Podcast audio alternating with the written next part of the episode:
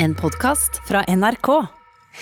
TikTok florerer av virale mat- og oppskriftsvideoer, men eh, ikke alle er like bra for unge. Sånn her lager du raspeballer. Skrell poteter. Så skal du koke en fjerdedel av potetene. Rasp resten av potetene. Så har du på litt smelta smør. Bonated. Men ikke alle virale matvideoer er like positive, mener TikTok-psykolog Maria Østassel, som er skeptisk til mange av mattrendene unge deltar på.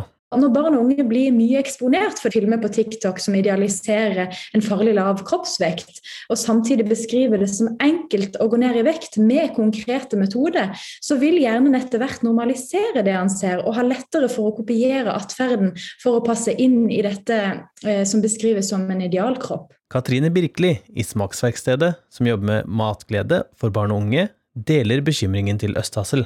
De har opplevd barn som vegrer seg fra å spise på sine kurs. Vi har f.eks. barn eh, nede i 10-12-årsalderen på Smaksverkstedet som eh, viser bekymring for at det er mye kalorier i banan. Sant? Så det er, eh, jeg tenker at det er viktig, da, de som er influensere og de som har stor påvirkningskraft på ungdommen, at de er vet sin rolle, eller vet, eh, er bevisste på hvilken påvirkning de har, og ser viktigheten av det. Da. Hun tror også TikTok kan bidra til noe godt. Ser de en spennende oppskrift eller matrett på TikTok, så kan jo det bidra til inspirasjon og motivasjon. Og det å senke terskelen da, for å prøve nye matretter og matvaner. TikTok-kokken Kane har selv slitt med matglede og matlyst som yngre. Nå håper han videoene hans kan hjelpe andre unge. Jeg tror det inspirerer ungdommen veldig til å begynne å lage mat. På en veldig positiv måte. Jeg får jo høre fra foreldre at er 13-åring, men har aldri lagd så mye mat som han eller hun har gjort nå. Lagd mat til hele familien sånn flere dager på rad. Det er jo kjempegøy å høre. Østhassel synes Kane fremmer mat på en bra og sunn måte. Nå håper hun foreldre i fremtiden vil følge mer med på hva barna eksponeres for i appen. Hvis man er forelder og har barn under 18 år, så vil jeg absolutt oppfordre til å være på TikTok, følge med på hva, hva, hva denne appen gjør, og hva man kan bli eksponert for, og ha gode samtaler med barn og ungdom eh, rundt hva de blir eksponert for, sånn at de sammen kan finne ut av hva, hva man ikke bør følge, og hva man bør eh, trykke uinteressert på. Reporter her, det var Jonathan Gaathaug Nilsen. Aftenposten-journalist og samfunnsdebattant Ingeborg Senneset, god morgen. God morgen. Hvor skadelig vil du si det er å snakke om personlig matinntak på sosiale medier? Det er vanskelig å sette en skala for hvor skadelig det er, fordi det avhenger så mye av mottaker. Eh, og Der ligger jo litt av problemet. At de som legger ut sine dietter eller legger ut sine dagsplaner, det passer sikkert for dem. Eh, det kan godt hende at de har en god hensikt med det og tenker at de skal inspirere til noe sunt eller hva som helst. Eh, og det kan også godt hende at de bare er ute etter klikk, fordi at det klikker ganske bra. Men de aner ikke hvem som tar imot det. Eh, og det eneste de kan være helt sikre på, er det at de treffer alt fra en åtteåring som er skikkelig sårbar, eh, til en 15-åring som kanskje blir sårbar senere. Du aner ikke hvem du møter med akkurat ditt budskap, fordi at det er enveiskommunikasjon. Samme hvor mye de sier at de snakker med følgerne sine, og sånt, så vet de ingenting om den personen på andre sida. Du har jo uh, vært uh, offentlig med din sykdom, uh, som er anoreksi, og snakket mye om det. Um, og jeg vet at du får henvendelser fra folk om hva du spiser. Hva er det de da lurer på, egentlig? Det der er jo en ganske merkelig sak. Det viser sikkert at jeg ikke sitter hjemme nå, for jeg er på et hotell i Bergen for første gang på veldig lenge. Jeg er for å snakke om faktisk anoreksi. Men den oppmerksomheten det skaper at jeg prater om de tingene her, gjør at en del tar kontakt. Fordi at de ønsker seg litt anoreksi. Eh, de vil bare vite sånn cirka hva jeg spiser for å gå ned eh, i vekt. Eh, og jeg prøver jo da å svare det samme hver eneste gang at hvis du har eh, vektproblematikk, så er det fastlegen du skal snakke med. Eh, og hvis du ber en anorektiker om eh, slanketips, så er det ca. like fornuftig som å be om vintips fra en svært hardt ramma alkoholiker. Det er en alvorlig sykdom, ikke en metode for å se litt fresh ut, for å si det mildt. Men du, du, du snakker om, eh, om folk som, som, har potensielle problemer, Senneset. Ehm, hvor, hvor, mange er det vi snakker om her? Hvor, hvor stort er dette problemet? Altså, du vet jo det at det er mange unger som har vært mye alene det siste året. Eh, og ungdommer og voksne, for den saks skyld. Eh, sånn at Hvor stort omfang det er, det vet vi egentlig ikke helt klart.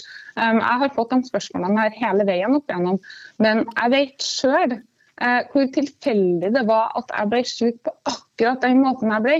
Jeg var ganske liten. Det var ikke noen sosiale medier den gangen, men jeg fant en bok som egentlig var en sånn god opplysningsbok for barn og unge.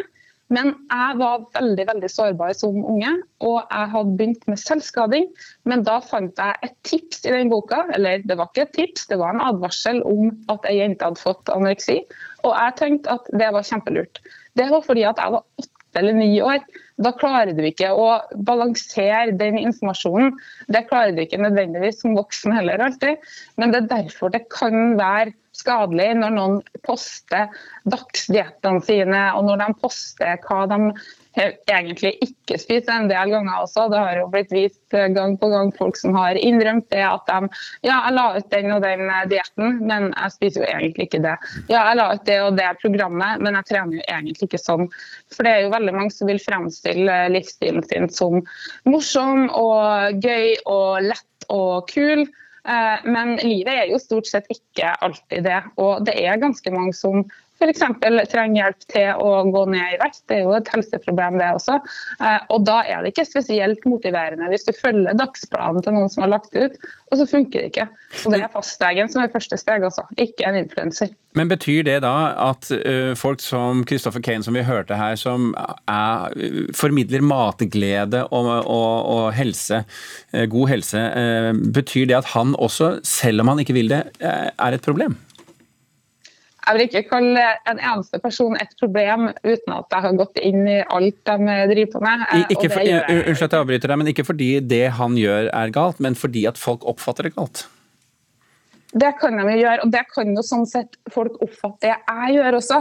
For Jeg driver med opplysning, og det kan jo godt hende at det sitter noen i min sal som ikke kan ta imot de tingene jeg sier. Sånn at Man vet jo aldri hvem man treffer, og jeg vet at det er alltid en risiko ved det jeg formidler. Derfor så er det så viktig å være nøye på hva det er man formidler ut, og hvordan man gjør det. Er det sånn at jeg driver og legger ut nøyaktige beskrivelser, eller er det sånn at jeg formidler en tankegang, eh, formidler en tankegang om at man skal ta vare på seg sjøl? Eller formidler en tankegang om at man skal bruke nøyaktig de her fire ingrediensene, eller om man skal unngå det og det. Det er det som er forskjellen. Ok, eh, Ingeborg Senneset, eh, takk for at du var med oss i Nyhetsmorgen, og lykke til med foredraget ditt etterpå i dag. Vi husker alle historier om hvordan den mektige filmprodusenten Harvey Weinstein ble avslørt som overgriper. Det skal nå bli film. Avsløringene gjorde at metoo-kampanjen mot seksuell trakassering eh, eh, vokste fram over hele verden. Og reporter Thomas Alversein Ove, fortell oss hva slags film skal dette bli? Dette er historien om eh, de to reporterne Megan Tuey og Jodie Cantor. De jobber for New York Times og var de som først skrev om eh, beskyldningene mot eh, Harvey Weinstein. Arbeidet med historien og hvordan artiklene deres bidro til å skape metoo-kampanjen, har blitt til boken She Said, hun sa. Og det er denne boken filmen nå kommer til å bli basert på. Vet vi hvem som skal spille i filmen? Filmtidsskriftet Deadline melder eh, nå at eh, Carrie Mulligan og Zoe Kazan er i sluttforhandlinger med filmstudioet Universal om å spille de to eh, reporterne. Etter planen så starter opptakene allerede til sommeren, og Brad Pitt skal være en av produsentene. Metoo har jo blitt et begrep. Fortell oss kort, hva var det som skjedde i forkant? Eh, det var altså Harvey Weinstein eh, som, som, var en av de aller mektigste filmprodusentene i Hollywood. Det meste han tok i ble til gull. Oscar-statuentene rant inn eh, på film etter film. Og alle som ville bli noe, eller hadde ambisjoner i Hollywood, ville eller måtte jobbe sammen med ham. Så viste det seg at eh, denne posisjonen var jo noe han utnyttet grovt eh, til egen fordel. Stadig flere kvinner fortalte om sine opplevelser med ham etter New York Times eh, sin publisering. Og Opprydningen i holdninger og protesten mot seksuell trakassering spredte seg da, som vi vet, til land etter land og bransje etter bransje i kulturlivet med denne emneknaggen metoo. Weinstein han har nå blitt eh, dømt til 23 års fengsel i New York for eh, seksuelle overgrep, og venter på nye saker eh, som skal opp for retten i Los Angeles. Blir det en film om han? Altså, Det vil jo bli en Hollywood-film om ukultur i Hollywood, men selv om Weinstein er eh, en kjerne i denne historien, så skal filmen først og fremst handle om hans, ikke handle om hans ugjerninger, men eh, prosessen rundt avsløringene av disse ugjerningene, ifølge Deadline. Altså hvordan de to journalistene måtte kjempe mot etablerte holdninger, nedverdigende trusler eh, og flere varsler om søksmål for å i det hele tatt få disse historiene på trykk og frem i lyset. Takk, reporter Thomas Alvarstein Ove. Ida Ekblad hun beskrives gjerne som en av Norges største kunststjerner. Hun er både hyllet av kritikere og etterspurt i markedet, og selger for uh, store summer. Hun skal visstnok være blant våre best betalte kunstnere, med priser opp mot 800 000 kroner for bare ett verk. Og nå viser Kunstnernes hus hennes så langt største utstilling i Skandinavia. Mona Palle Bjerke, kunstkritiker her i NRK, god morgen. God morgen. Hva er det som gjør at eh, Ida Ekblad har blitt så stor og så populær? Altså jeg tror Det handler om det som gjør at hun vekker begeistring og interesse. tror jeg handler om den enorme energien, kraften og viljen i prosjektet hennes. Allerede som 26-åring ble hun jo innkjøpt av Astrup Fearnley-museet, og som 32-åring så fikk hun stor separatutstilling på Museet for samtidskunst. Og de ti årene som har gått siden det, så har jo ikke akkurat hennes stjerne dalt. Så hun har jo hatt en helt fantastisk karriere. Mm, og utstillingen på Kunstnernes hus heter 'Pike legger i ovnen'. Jeg går ut fra at den tittelen ikke er helt er sugd av eget bryst? Nei, dette er hentet fra et veldig tidlig verk av Edvard Munch, da, som har inspirert Ida Ekblad til å konsentrere seg om ovnen som fenomen. Og hun har da laget fire støpejernsovner som er plassert i den ene overlyssalen i Kunstnernes hus. Og selv om jeg ikke er så begeistret for den enkelte ovn som formgitt objekt, så syns jeg denne installasjonen er veldig flott, med denne repetisjonen innover i rommet. Også de høye pipeløpene som gjør oss oppmerksom på den utrolig høye, mektige glasshimlingen og dette er ovner som, som, som, kan brukes som kan og fyres i? Liksom. Ja, og de, det gir en nesten sånn katedralfølelse inni rommet der. I tillegg så syns jeg det er en veldig fin idé det der å ta et bruksobjekt eller et møbel som bærer på så mye historie og så mange potensielle fortellinger. Og så er vel kanskje metaforikken her da, at det er Ida Ekblad selv som er piken som eh, fyrer opp. Og flammehavet det finner vi i neste rom. Der er det en fargeeksplosjon. altså Malerier tett i tett, både store og små. Det er malt med kraftig klare, skinnende, ofte ublandede farger rett fra tuben. Det er kraftige kontraster.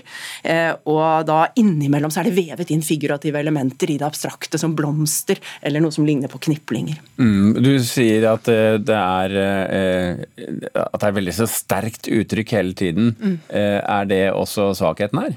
Det er det nok. Fordi at dette er jo en kunstner som si, bejubles fra alle kanter. Og jeg er jo klar over at jeg går mot en veldig kraftig kritikerkonsensus når jeg sier at jeg er ikke helt overbevist. Jeg, jeg syns tross denne mektige vitaliteten, som jeg er veldig imponert over, som jeg mener er en ressurs for Ida Epla, så syns jeg ikke hun er en veldig god maler. Jeg syns ikke hun har en utpreget sterk formfølelse og heller ikke en integrert, individualisert fargebevissthet. Det er jo sånn at øyet vårt trekkes mot eh, kontraster, men her er det bare kontraster.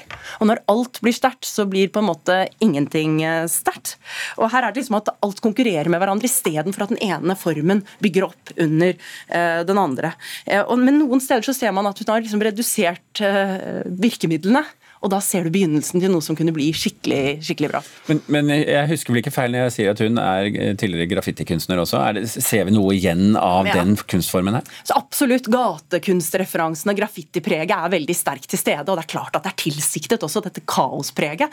Og denne veldig eksplosive, intuitive eh, malestilen. Men du kan si at selv om det er noe som kobler seg til dette formspråket, det ekspressive, så har jo de tyske ekspresjonistene, Cobra-kunstnerne, actionpainterne i Amerika, de hadde jo en klar formtanke og en eh, man kan si, visuell energi som gikk gjennom hele flaten. En bevegelse kanskje som var aksial, eller fra den ene Aksial. siden av lerretet til den andre. Eh, Men eh, her så syns jeg det blir veldig mye overlapping, og at det ender med noe som oppleves som rotete og uklart. Eh, Men det er klart at dette er jo verdt et besøk, og så får man gjøre seg også opp sin egen mening om denne veldig veldig bejublede kunstneren.